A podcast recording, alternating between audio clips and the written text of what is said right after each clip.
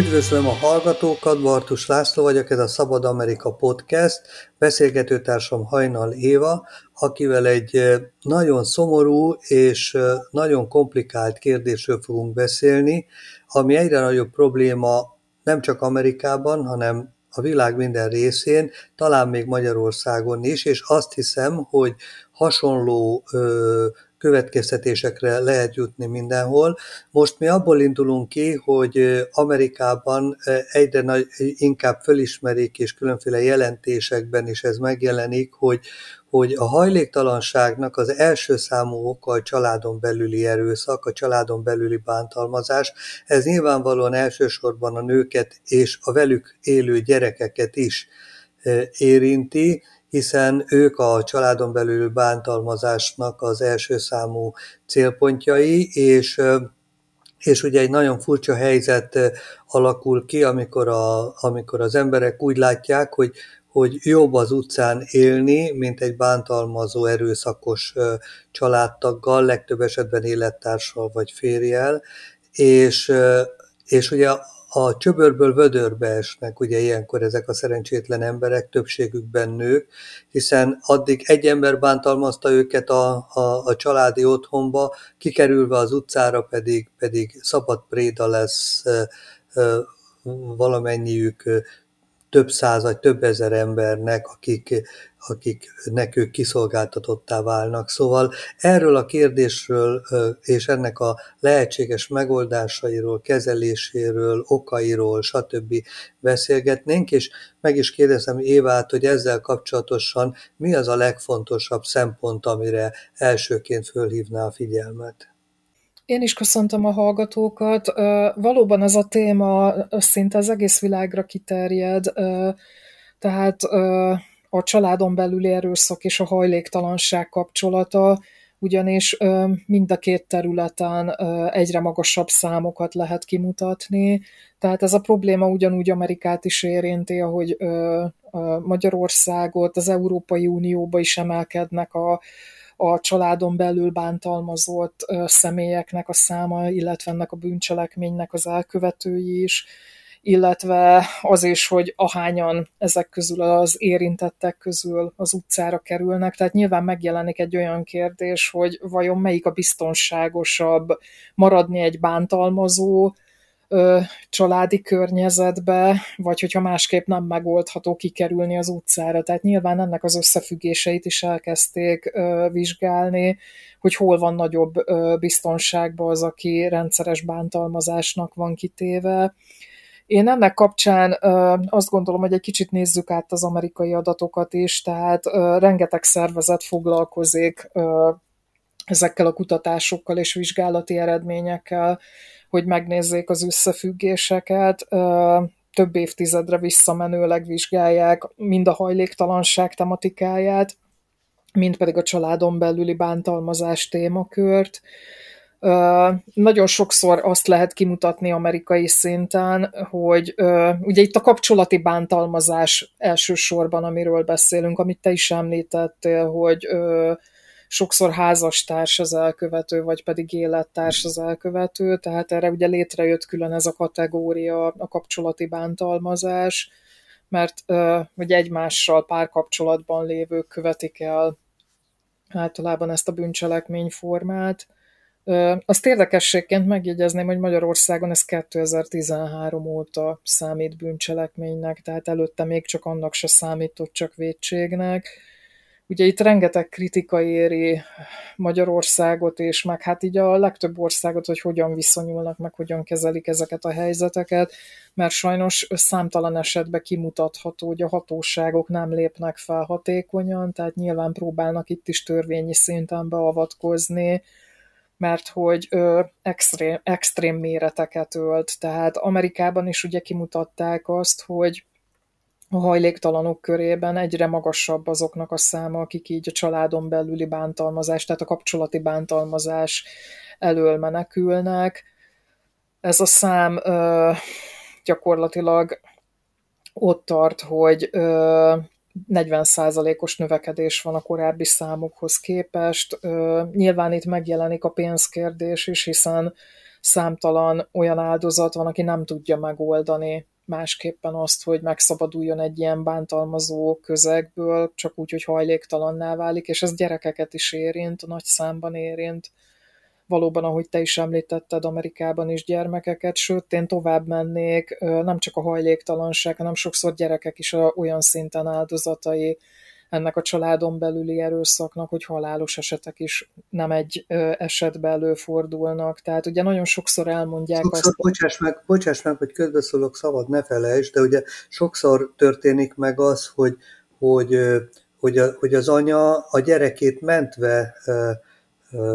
vonul az utcára, megy, a, megy az utcára és választja hajléktalanságot, hogy a gyerekét megmentse attól, hogy az élettársa, vagy a férje, vagy akivel éppen ugye kapcsolatban van a családon belül, hogy a gyereket bántalmazza. Igen, igen, igen. Itt egyébként azt megjegyezném, hogy azért beszélünk ugye anyákról, mert az esetek többségében, tehát 90% felett az elkövető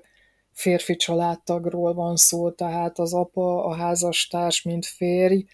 vagy pedig az élettárs, tehát van, amikor nem a vér szerinti apa van így a családban bántalmazóként, tehát az esetek többségében azért itt férfi elkövetői háttérről beszélhetünk, akár amerikai, akár ö, nyugat-európai vagy magyar viszonylatokról beszélünk, ez, ez nagyon hasonlóan oszlik meg. Amerikában a legkiszolgáltatottabbak különben az a családon belüli bántalmazásnak a fekete családok és a spanyol hátterű családok, tehát ott a leggyakoribbak ezek a problémák. Ennek csak azért, hogy elejét vegyük a rasszizmusnak, ennek, ennek a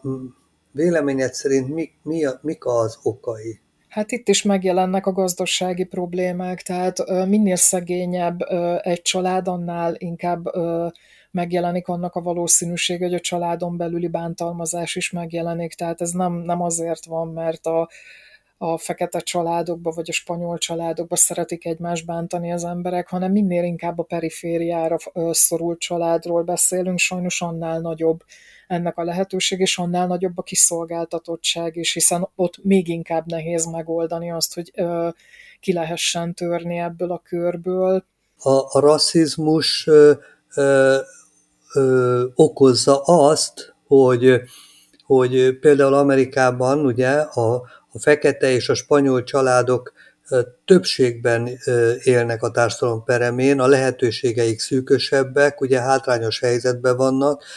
megkülönböztetés éri őket a munkaerőpiacon is, ennél fogva már az iskoláknál is, ugye az iskolázásnál is, stb. stb. Ennél fogva kerülnek ugye olyan, olyan szegénységi helyzetbe és olyan környezetbe, amelyben gyakoribbak a, a, a a bántalmazások. Tehát, tehát nem azért bántalmazzák egymást, mert ők feketék vagy spanyolok, hanem azért bántalmazzák egymást, mert szegények, nyomorultak, hátrányos helyzetűek, idegesek, feszültek, ebből fakadóan ugye hódít az alkoholizmus, a drog és más, más devianciák, amelyek megnyitják az utat ugye a családi erőszak előtt, előtt és, és tulajdonképpen ez, ez, e, ennek az alapja és a kiinduló pontja az ő esetükben ugye nagyon nagy mértékben a rasszizmus, a rasszizmus, és ugye ezek után mutogatnak rá fehér rasszisták az ilyen adatokra, hogy lám-lám, ezek a, ezek a, a, a típusú, bőrszínű, fajú, származású, stb. emberek, azok ilyenek, holott nem ilyenek, hanem ilyenekké teszik őket, illetve teszi őket a környezet, amibe, amibe kényszerülnek. Hát igen, tehát minél inkább egy család a perifériára van szorulva, annál gyakoribb sajnos egy ilyen történet, vagy legalábbis a lehetőség egy ilyen történetnek, hiszen annál kevésbé kiegyensúlyozott az a fajta családi élet, amiben élni tudnak. Tehát igen, megjelenik ez a fajta frusztráció, amiről te is beszélsz, tehát a, a megélhetési nehézségek, ami meg hát ugye egyre stresszesebb egy általános élethelyzetet is fenntartani, tehát hogy, hogy életben maradjanak ezek a családok. Tehát ö, számítanak a családi minták is, hogy ki miben nőtt fel, és mit látott, és itt ugye megjelenik annak a kérdése is, hogy nagyon sokszor vannak ö, olyan anyák, akik arra hivatkoznak, hogy azért nem, azért sem hagyják el a bántalmazó párjukat, mert a gyerekeket nem bántják, tehát ők úgy, úgy élik meg, hogy ezek a bántalmazó pillanatokban csak ők az áldozatok, tehát hogy ezt a gyerekek talán észre sem veszik, de, de ezt fontos kiemelni, hogy ö, pszichológusok és szakemberek megállapították azt, hogy, hogy a gyerekekre nagyon súlyos hatást gyakorol az, hogyha tanúi lesznek annak, hogy az édesanyjukat bántalmazzák, és hogy ez egy hosszú távú káros kihatással van rájuk, hiszen ott van bennük egy tehetetlenségérzés, nem tudják, hogy hogyan lehet az édesanyjukat megvédeni, tehát maga a bántalmazó magatartás az, az egyáltalán nem összeegyeztethető egy megerősítő, jó, pozitív gyermeknevelési környezettel. Tehát maga a problémának a leküzdése is, tehát hogyha eljut egy család arra a szintre, ahol a bántalmazó felvállalja azt, hogy, hogy változtatni szeretne maga részéről az, azon, ahogy a család tagjaihoz hozzááll. Hát ez is egy, egy ennek a leküzdése is éveket vesz igénybe, tehát ehhez külső segítségre is szükség van, még, még abban az esetben is, hogyha az adott esetben a bántalmazó férfi valóban felvállalja azt, hogy, hogy nem másokat hibáztat, hanem, hanem önmagát azért, ami a családban jelent van, és, és, és hogyha elengedi azt, hogy a partnerét hibáztassa azért, amilyen módon ők élnek. Tehát ezek ilyen borzasztó nehéz folyamatok, sokszor tényleg családról családra öröklődik, tehát szerintem ennek rengeteg összetévője van, vagy összetevője van, és semmiképpen nem szeretném ezt rasszizmussal azonosítani, tehát ezek a családi problémák a, tényleg a nyugati társadalomban bárhol megtalálhatók, tehát ez, ez nem csak bevándorlókat érintő probléma, ennek kifejezetten ö, hát ö, rossz hagyománya van, hogy így mondanám. Tehát ugye itt megjelenik az is, hogy a férfi és a női szerep, tehát hogy ki mit tekint meg milyen hagyományos szerepeket fogadnak el. Tehát ugye ne felejtsük el azt se, hogy amikor bejelentenek egy-egy ilyen esetet, pedig különben általában az esetek nagyon-nagyon kis százaléka kerül bejelentésre, akkor is számtalanszor a hatóságok részéről elkezdik csitítgatni a bántalmazottat, hogy ne provokálja az elkövetőt, hogy viselkedjen úgy, hogy ez ne történjen meg. Vagy számos olyan eset van Magyarországon is, hogy a rendőrség, amikor megtudja azt, hogy egy, egy anyát bántalmaznak, elkezdik megfenyegetni őt is, hogy hogyha nem változtat ezen a helyzeten, elveszítheti a gyerekeit. Tehát igaziból én azt látom, hogy, hogy a környezet sem elfogadó, a környezet sem teszi azt lehetővé, hogy a bejelentések megtörténjenek, és hogy ezeket a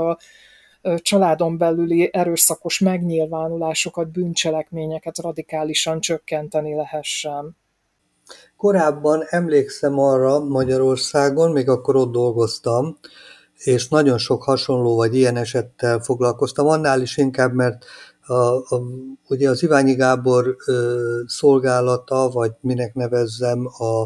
a, a, az intézmény rendszere, ugye nagyon-nagyon sok ilyen emberrel foglalkozott, nagyon sok ilyen nőt fogadott be, eleve volt is egy ilyen, meg van is e mindennek ellenére, ugye föntartják ez a, a, a bántalmazott anyáknak az ilyen nő, női menedékhelyet, ahova, ahova elmenekülhetnek, hogy pont az, hogy ne az utcára kerüljenek. Szóval akkoriban emlékszem, hogy még cikket is írtam róla, azt hiszem a Magyar Hírlapba, hogy, hogy, hogy a rendőrség a rendőrségen belül valami olyan szabályozás volt, hogy nem avatkozhatnak be az ilyenbe, mindaddig, amíg vér nem folyik. Tehát, hogy, hogy, hogy már olyankor léphet csak föl a rendőrség abban a végső stádiumban, amikor, amikor már megtörtént valami, tehát a megelőzésbe, a védekezésbe, a védelembe, a bántalmazóval szembeni föllépésre, a bántalmazottak védelmére, semmiféle ilyen a hatáskörük nem volt, nem is, nem is gyakoroltak ilyesmit, és addig, amíg nem a, a, véré, a vérezve kellett kihúzni a lábánál fogva az anyát a, a lakásból, addig a rendőrök föl se léptek. Sajnos azt kell, hogy mondjam, hogy erre még a mai napig van példa, tehát ez, ez a gyakorlat nem tűnt el teljesen, Tehát a, Human Rights Watch nagyon sokszor próbálja feldolgozni ezt a tematikát, hogy különböző országokban mi történik egy-egy ilyen bejelentés során, illetve a hatóságok hogyan reagálnak a családon belüli erőszakra, azon belül is a kapcsolati erőszakra, és ugye itt nyilván megjelenik annak is a kérdés, hogy ha valakinél nyolc napon túlgyógyuló sérülés keletkezik, és hogyha eljut például egészségügyi ellátásba, hogy ott is ugye egy időbe kötelezték arra az, az egészségügyi ellátó személyzetet, hogy jelentsenek le minden ilyen esetet, de itt is megjelent ez a problematika, hogy a bosszúállás, tehát hogy ö, nagyon sokszor a bántalmazó megfenyegeti ilyenkor a bántalmazottat, hogyha feljelentést tesz ellene, tehát ilyen, ilyen elképesztő történetek vannak, és van, amikor a szomszéd jelenti be, hogy, hogy éppen a családfő bántalmazza az édesanyát, vagy a feles, vagy van, amikor még gyerekek sincsenek, tényleg csak feleség, tehát még nincsenek közös gyerekeik, de akkor is a rendőrség részéről rengetegszer ez a tehetetlenség meg elutasítás jelenik meg, hogyha ő nincs ott jelen, ő csak hall valamit, akkor ő túlreagálja, ezt valószínűleg nem olyan mértékű támadás és veszélyeztetettség áll fent, mint amit ő gondol. Tehát nagyon sokszor próbálják ezt a hatóságok lerázni magukról, de én olvastam arra is, arról is jelentést, hogy volt olyan, amikor volt egy hölgy, akit a férje nagyon, nagyon komolyan bántalmazott, tehát nagyon megvert, és ezt követően kórházba ment ellátásért, és elmondta az orvosnak a történteket, és az orvos mondta neki, hogy ne hisztizzen, tehát és el is utasította még az arra vonatkozó kérését is, hogy az orvos tegyen rendőrségi feljelentést, mert ugye nagyon sokszor az áldozat nem meri önmagába megtenni ő maga, mert abból is botrány van, vagy van olyan hölgy, aki azt mesélte el, hogy ő úgy próbálta bejelenteni a hatóságok felé a bántalmazást, mintha ő lenne a szomszéd, és hogy jöjjön ki a rendőrség, mert hogy a férje mindig megfenyegette, hogyha bejelentést tesz, akkor megöli, a gyerekeket bántalmazza, egyéb ilyen dolgok, és számtalan esetben kiment a rendőrség, és ismerték az elkövetőt, megveregették a hátát, és akkor közölték a hölgyel, hogy ne provokálja a férjét. Tehát annyira elutasító és nem segítő közeget biztosít számtalan esetben a hatóság, hogy, hogy megdöbbentő, és ez a mai napig így van, tehát ez, ez nem csak évtizedekkel ezelőtt volt így. Hadd térjek vissza arra egy pillanatra, amit mondtál, hogy ugye a, a kulturális beágyazottság, a hagyományos férfi és női szerepek eh, szerepe, a macsó férfi és a, és az ő nő, nője, az asszonya, ugye, tehát hadd utaljak arra, ugye, hogy, a, hogy, hogy az ilyen esetekben a, a helyszínelő rendőröknek mondjuk a 99%-a férfi, aki ugyanabban a, akik ugyanabban a kulturális közegben élnek, amely, amelyben ugye a, a vakkomondoron ugye átesik Terike, és különböző sérüléseket szerez, és ahol, ahol ugye úgy tekintik a nőket, hogy szingli hordák, ahol, ahol a nők ugye úgy vannak számon tartva, mint, mint a konyha és az ágy között mozgó tárgyak, eszközök, és, és ahol, ahol az a, az a legfőbb dolguk, hogy szüljenek, és alá vannak rendelve ugye a, a, a férfi uralomnak. Hogy gondolod, hogy szerinted mennyire természetes és eleve szükségszerű következménye egy ilyen ö, kultúrában az, hogy ha a dolgok mennek előre, akkor szükségszerűen a bántalmazásba kell, kell, kell kicsúcsosodnia, vagy, vagy, vagy megjelennie, hiszen, hiszen a, a, a nők eleve egy, egy, egy olyan alávetett szerepben vannak egy ilyen társadalmi modellben, vagy férfi-nő szerep modellben, ahol, ahol ugye a nőt nem kell tisztelni, ahol a, ahol a nőnek mindig mindent el kell tűrni, és a férfi azt csinál vele, amit akar. Hát itt is megjelenik szerintem az, hogy nagyon fontos, hogy milyen kulturális közegből érkezünk mi is. Tehát ugye nagyon sokszor szokták a szakemberek azt mondani, hogy a bántalmazottból gyakran bántalmazó lesz. Tehát, hogy ő maga is egy normává képezi ezt magába, egy elfogadható dolognak fogja egy idő után tartani, és hogy azt a mintát viszi tovább, amit korábban látott, és hogyha a társadalom se ad támogatást, tehát hogyha a társadalom is hallgatólagosan ezt elfogadja, úgy kezeli, mintha ez egy normális dolog lenne, ennek beláthatatlan következményei vannak. Tehát mondom, az is nagyon árulkodó, hogy 2013. júliusától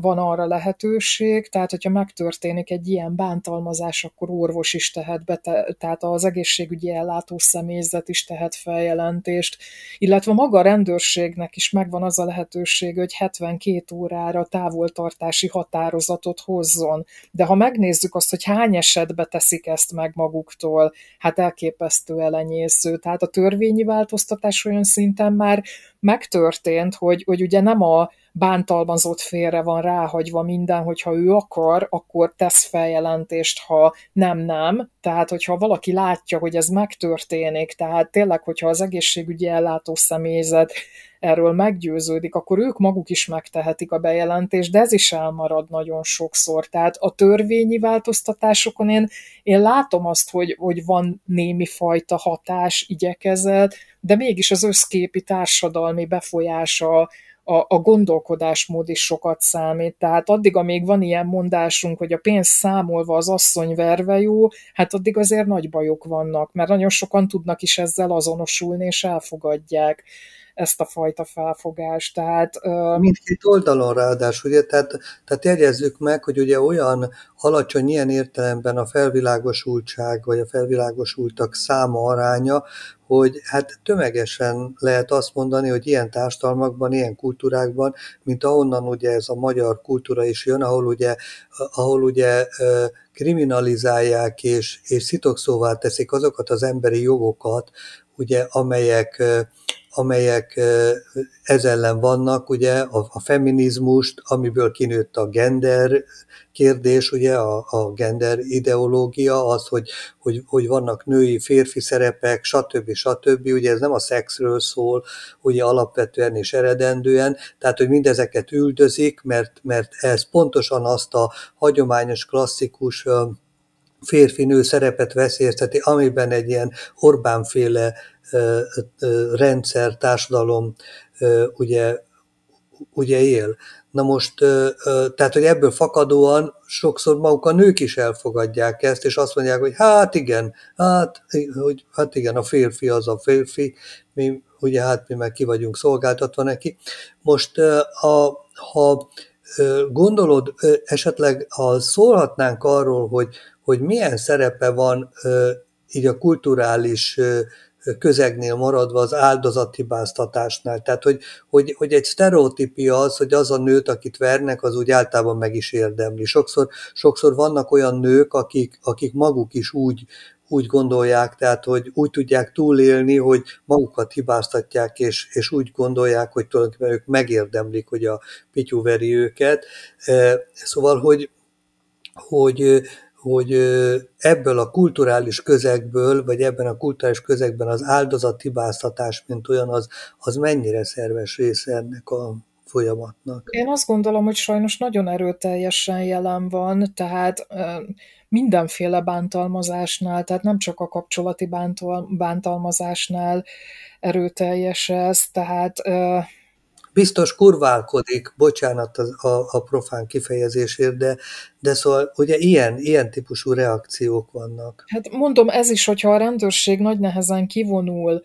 és tehát volt olyan esetleírás is, ahol a, a rendőr látta, hogy a férj megpofozza a feleségét, és nem lett semmi következménye. Tehát számos esetben még az áldozatot vonják felelősségre, hogy de hát, hogy miért mert provokál. Mert a férfinak ehhez joga van, ugye? Hát igen, Tehát, igen, hogy, igen. Ilyen a szemlélet, igen. De hát nem is vár, tehát én, én azt gondolom, hogy az önmagába sok mindent elmond, hogy, hogy mondom, alig tíz éve, tehát ugye most 2024 van, 2000, tehát 2024-ben lesz 11 éve, hogy a kapcsolati erőszakot, tehát önálló tényállásként megjelentették a büntető törvénykönyvbe. Tehát a magyar jog tíz éve, alig több, mint tíz éve ismeri el, hogy a családon belüli bántalmazás az egy specifikus bűncselekményfajta, de közben én azt látom, hogy, hogy nagyon sokan nincsenek is azzal tisztában, hogy mi minden számít családon belüli bántalmazásnak. Tehát ez, ez nem csak a szexuális erőszakot, vagy a fizikai bántalmazást ö, tekinti, családon belüli kapcsolati erőszaknak, tehát maga a verbális bántalmazás is ide tartozik, tehát a gazdasági erőszak is ide tartozik, amikor valakit anyagi függésbe tartanak, zsarolnak a pénzzel, tehát a mindennapi kiadások megkérdőjelezése, tehát a fillérre való elszámoltatás, és hát ugye megjelenik itt a lelki erőszak is, tehát az is, amikor az alapvető érzelmi igények és szükségletek megtagadása. Tehát itt, itt nagyon sokrétű a, ez a történet, és én azt látom, hogy ebben a éppen csak kicsit több mint tíz évben az áldozatokat sem edukálják, tehát hogy, hogy, hogy a társadalom még nagyon messze van attól, hogy, hogy ezt a törvényi módosítást megértse, és, és el tudja fogadni. Maga a hatóság se tudja úgy kezelni, ahogy lehetne. Tehát az, hogy 2013. július, talán július 1 hozták ezt a határozatot, vagy lépett életbe, tehát nem változott onnantól sok minden meg, tehát a rendőrség nem, nem használja azokat a jogokat, amit a a törvényváltoztatással végül is használhatnának. Tehát én, én, én azt érzem, hogy, hogy itt annyira messze van még attól, hogy a társadalom ezt értse, elfogadja, és tényleg egy létező védelmi aspektust építsen fel rá. Ugye beszéltünk Iványi Gáborról is, hogy ő, ő nagyon sok ilyen ö, hölgyön próbál segíteni, tehát befogadják ezeket a hölgyeket gyerekekkel. Tehát szerintem az is nagyon fontos, hogyha valaki ki tud lépni egy ilyen ö, bántalmazó közegből, és van, ahová el tud menekülni. Tehát eleve Magyarországon nincsen meg a megfelelő mennyiségű ágy, ahol lehet fogadni ilyen bántalmazott anyákat és a gyermekeiket. Most ebből a nagyon-nagyon kevés férőhelyből a nagy többségük nem titkosítható, tehát a bántalmazó megtalálja továbbra is az áldozatot, és, és hát el is követnek mindent, hogy az áldozat nyomába érjenek. Tehát én szerintem elképesztő rossz állapotok vannak, annak ellenére, hogy törvényi változásokat lehet látni. Igen. Na most mit gondolsz arról, hogy arról a dilemmáról, hogy, hogy ugye van egy ilyen mondás is most jut eszembe, hogy, hogy, hogy, hogy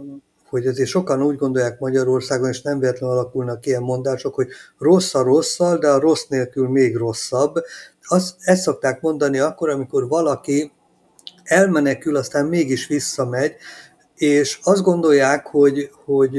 ezt azért teszi, mert tulajdonképpen nem is tud. Van olyan is, hogy nem tud meglenni már, a, a, úgy hozzászokott a veréshez, szokták mondani, hogy már nem tud meglenni nélkül, mondjuk ez azért elég durva állítás, és valószínűleg semmi alapja nincsen. De a lényeg az, hogy, hogy, hogy ugye vannak, akik elmenekülnek, és aztán mégis visszamennek. Tehát, hogy mi az oka annak, ugye, hogy, hogy rákényszerül, hogy minden más opcióval szemben még mindig ez a legelőnyösebb, illetve, hogy most mit, mit kezdjünk ezzel a dilemmával, hogy, hogy inkább eltűrni, és ott maradni, és, és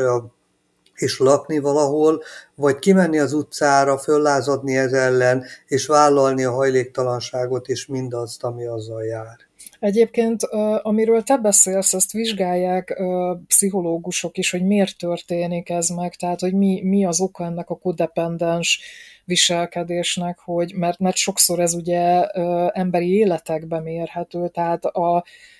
előbb-utóbb az áldozatokból sajnos halálos áldozatok lesznek, tehát ezt, ezt azért vizsgálják, hogy mi az oka annak, hogy valaki visszatér ebbe a közegbe, és itt ugye megjelennek szintén ezek a hozott minták, tehát hogyha valaki egy békés közegben nő fel, annak nem lesz normális egy ilyen közeg, de hogyha valakit már gyerekkorától bántalmaztak, ha már a szülők így éltek, tehát hogyha ez egy gyakori minta volt, ott, ott teljesen más ö, lesz az, ami a normális elfogadott dolog. Tehát az emberek, amíg gyerekek, ö, abba a közegbe próbálnak meg túlélni, amibe kerülnek, és teljesen más az, ami nekik a szeretet, ami, ami nekik a törődés. Tehát ö, én szerintem ez egy borzasztó elszomorító dolog, de ez is mutatja, hogy mekkora károkat lehet okozni egy olyan gyerekbe, aki egy ilyen közegből kerül ki, aki azt látja, hogy ütik-verik az anyját. Tehát hogy ö, ez, ez egy nem normális lenyomatot fog kialakítani benne, tehát valószínűleg egy, egy olyan ember számára, aki ilyen közegből származik, a, a normális életvitel, ahol nem történnek meg ilyen családon belüli erőszakos cselekmények, az egy teljesen unalmas közeg, tehát valahol nem azt fogja megélni, ami, ami az ő normálisához közelít. Tehát ez nagyon fontos, hogy, hogy mi az, amit, amit hozunk magunkkal, mert ez, ez alakítja mindenkinek a személyiségét. Tehát itt nem arról van szó, hogy ezek az emberek ostobák és hülyék, és visszamennek a pofonér, mert mazohisták lennének, hanem ezeknek a korábbi áttélt traumáknak nyoma van, tehát ezek nem múlnak el. Tehát azért mondom, hogyha például egy bántalmazottból bántalmazó lesz, tehát az hosszú évek munkájával lehet megváltoztatni, hogyha hajlandó együttműködni, de hát hogyha nem is hajlandó együttműködni, akkor sose lehet megváltoztatni. Tehát szerintem itt nagyon súlyos traumák mennek generációról generációra, tehát, és, és nem mindegy a pénzügyi helyzet, ugye nagyon sokszor hivatkoznak arra a bántalmazottak, hogy, hogy azért mennek vissza, hogy a gyereküknek jobb legyen, a gyereküket nem bántják, ők elviselik a verést azért, hogy a gyereküknek jobb legyen. Azt is rengetegszer lehet hallani, de hát, hogy egy gyereknek apára van szüksége, hát nem mindegy, hogy milyen az az apa, nem mindegy, hogy az az apa hogy viselkedik a gyerekeivel, de hogy hogy viselkedik a, a, a párjával is. Tehát szerintem itt, itt rengeteg összetevője van annak, illetve a maga a társadalmi elvárások. Tehát hogyha egy társadalom sem, semmilyen segítséget nem nyújt az áldozatok felé, akkor ők visszakényszerülnek ezekbe a lehetetlen helyzetekbe. Tehát gyakorlatilag a befogadó helyeken is azt hiszem 60 nap az, amit eltölthetnek ezek a bántalmazott nők, akkor van hosszabbításra lehetőség, hogyha gyermekeik vannak. Tehát, tehát ne, ne gondoljuk azt, hogy, hogy nagyon sok segítséget kapnak, hogy van miből válogatni, tehát nagyon-nagyon-nagyon szegényes az a fajta segítségnyújtás, ami ezeket az áldozatokat éri, tehát én szerintem itt ideális történeteket ritkán lehet hallani, tehát nem véletlenül mennek vissza az áldozatok a bántalmazóikhoz. Igen, milyen veszély leselkedik az utcán ezekre a, a, a bántalmazott nőkre, akik, akik ezt nem bírják tovább, és inkább kimennek az utcára? Hát ott is további bántalmazások érhetik őket, tehát a hajléktalanok sokkal inkább kiszolgáltatottak,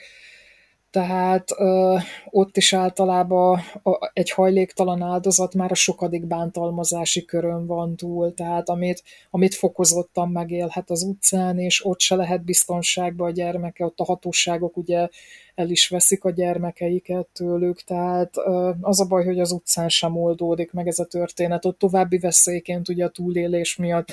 megjelenik a függőségi viszonyok is, tehát alkoholizmus is, ö, droghasználat, tehát ott, ott egyre nehezebb életkörülményekkel kell megküzdeni. Tehát ugye ez is érdekes, hogy ö, a fejlett társadalmakban is egyre több a hajléktalanok száma, tehát azt látjuk, hogy nem küzd meg jól a rendszer a hajléktalan probléma megoldásával,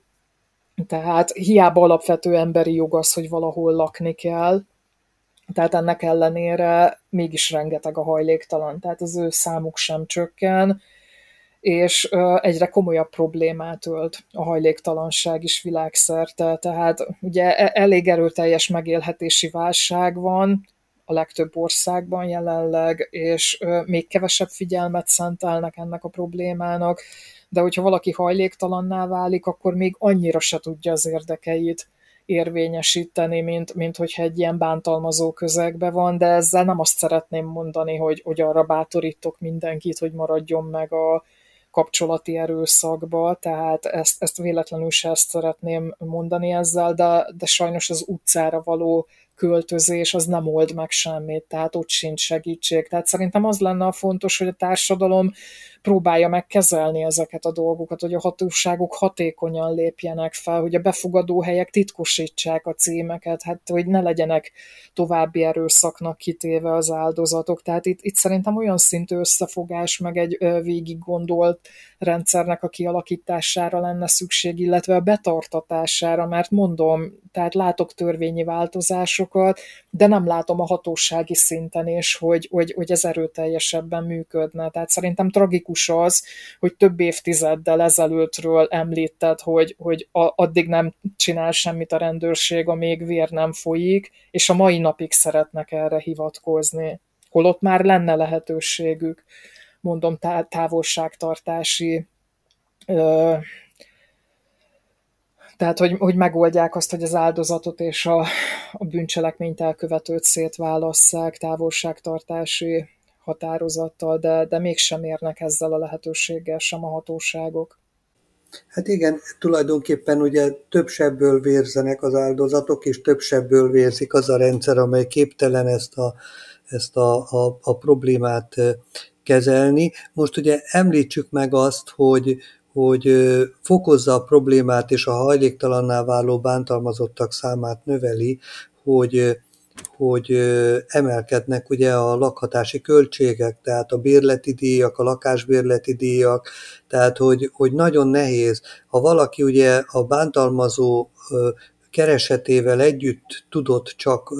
lakni valahol, ugye, és, és a távozásával ugye az a helyzet áll elő, hogy önmaga nem tudja előállni a, előállítani ugye azt a költséget, vagy azt a bevételt, amivel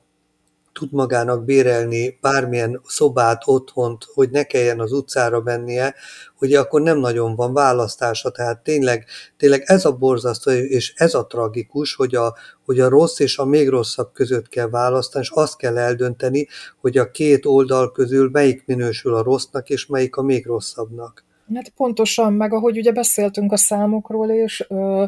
én, én az Európa Uniós számokat néztem meg, tehát ö,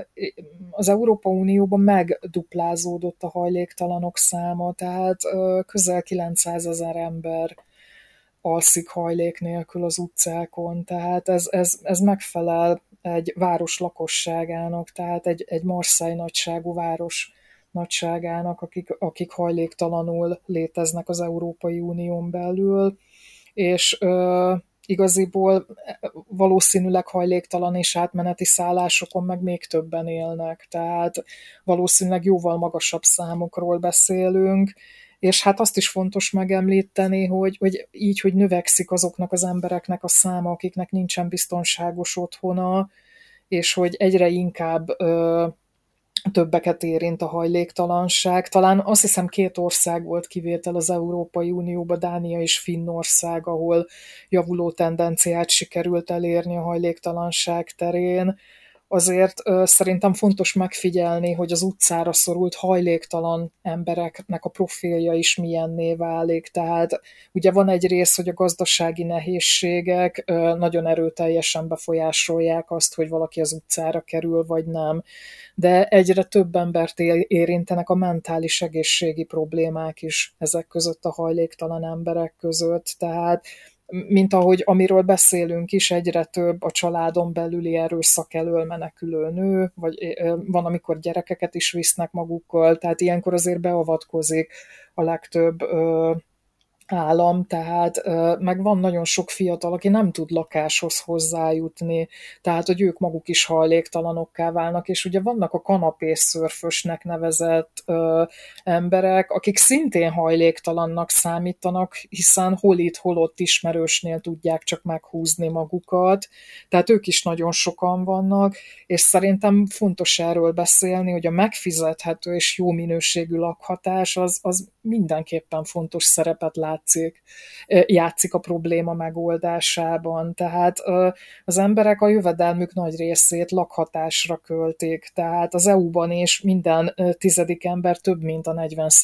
át költi a jövedelmének lakhatásra. Tehát, és, és hogy ez egy óriási, ez egy növekvő probléma, Itt szerintem én megemlítenék egy spanyolországi esetet, mert Spanyolországban is ugye rengeteg lett a hajléktalanok száma, tehát 25%-kal nőtt a hajléktalanság Spanyolországban is az elmúlt évtizedben, és ott a statisztikák kapcsán elkezdtek azon gondolkodni, hogy hogy lehetne megoldani, tehát hogy mit lehetne tenni, tehát hogy, hogy a hajléktalanság is visszaszoruljon, meg a családi bántalmazó közeg is, és ők arra jöttek rá, hogy létrehoztak egy olyan alapítványt, aminek ez volt a neve, hogy Housing First, tehát ö, mindenáron lakást akartak biztosítani, és érdekes volt az, hogy ö, nem volt feltétele ennek a lakásbiztosításnak. Tehát, hogyha valakinek drog problémái voltak, vagy alkohol problémái, akkor az, hogy lakáshoz jusson, nem volt az a feltétele, hogy először ezektől a problémáktól meg kell szabadulnia, mert hogy ők arra jöttek rá, hogy a bajban lévő embereket, hogyha lakhatással segítik, akkor sokkal könnyebben leszámolnak ezekkel a beilleszkedési problémákkal. Tehát, hogy, hogy mindenképpen biztosítani kell az, az embereknek a lakhatáshoz való jogukat, tehát és a spanyolok elég jó eredményeket értek el ebben. Igen, és végezetül említsünk meg egy, egy tipikusan magyarországi problémát, ami aztán fölteszi a, az íre a pontot, és ahol a kör bezárul, hogy miután ugye a hatóságok nem megfelelően állnak hozzá ezekhez a bántalmazásokhoz, kiszolgáltatottakká válnak ugye az áldozatok, nem, nem oldódnak meg ezek a problémák, és, és hajléktalanná válik a bántalmazott áldozat, akit még hibáztatnak is. Ugye miután hajléktalanná válik, akkor jön a hatóság, aki még ott is üldözi őket. Tehát a hajléktalanokat, akiknek egy jelentős részük, ugye, mint kiderült, ugye a családi bántalmazás következtében válik hajléktalanná, miután hajléktalanná válnak, ugye bűncselekményé nyilvánítják a hajléktalanságukat, és, és ott viszont elég hatékonyan föllépnek ellenük, hogy még egy padra se ülhet le, nem feküdhet le, nem lehet sehol, a levegőbe kellene nem tudom hol élnie, e, és hogy tulajdonképpen olyan helyzetet teremtenek, amivel azt próbálják elősegíteni, hogy úgy tüntetik el a hajléktalanságot, hogy a hajléktalan halljon meg. Ö, igen, igen. Én, én ezt nem csak magyar sajátosságnak látom, sajnos én Amerikában is láttam erre példát, hogy erőszakos módon akarták a hajléktalan problémát megoldani és kiszorítani ott is a nagyvárosokból a hajléktalan embereket, tehát az a baj, hogy én azt látom, hogy itt számít az, hogy a politika is hogy áll ezekhez a problémákhoz. Én ö, azt gondolom, hogy persze nem kriminalizálni kell az ilyenfajta problémákat, hanem kell, hogy legyen egy szociális háló, ami megsegíti ezeket az embereket, de mondom, én, én, én ezt sok ország tekintetében látom problémának, tehát ö, szerintem kellene, hogy létezzenek olyan szociális alapok, ahol plusz forrásokból ö, elő lehetne teremteni azt, hogy a társadalmi befogadás és a, az anyagi nélkülözésekre kényszerült embereknek a sorsát javítani lehessen, azt ugye látjuk, hogy a lakáspiacok nem termelnek megfizethető lakásokat, tehát ott hiába várunk valami változást, ez nem fog megváltozni. A, az kicsi alapítványok nem tudják ezt a feladatot betölteni. Tehát ugye itt Magyarország esetében látjuk, hogy Iványi Egyháza próbálja felvállalni ezt a feladatot, de hát már ők maguk is ellehetetlenültek, tehát saját magukat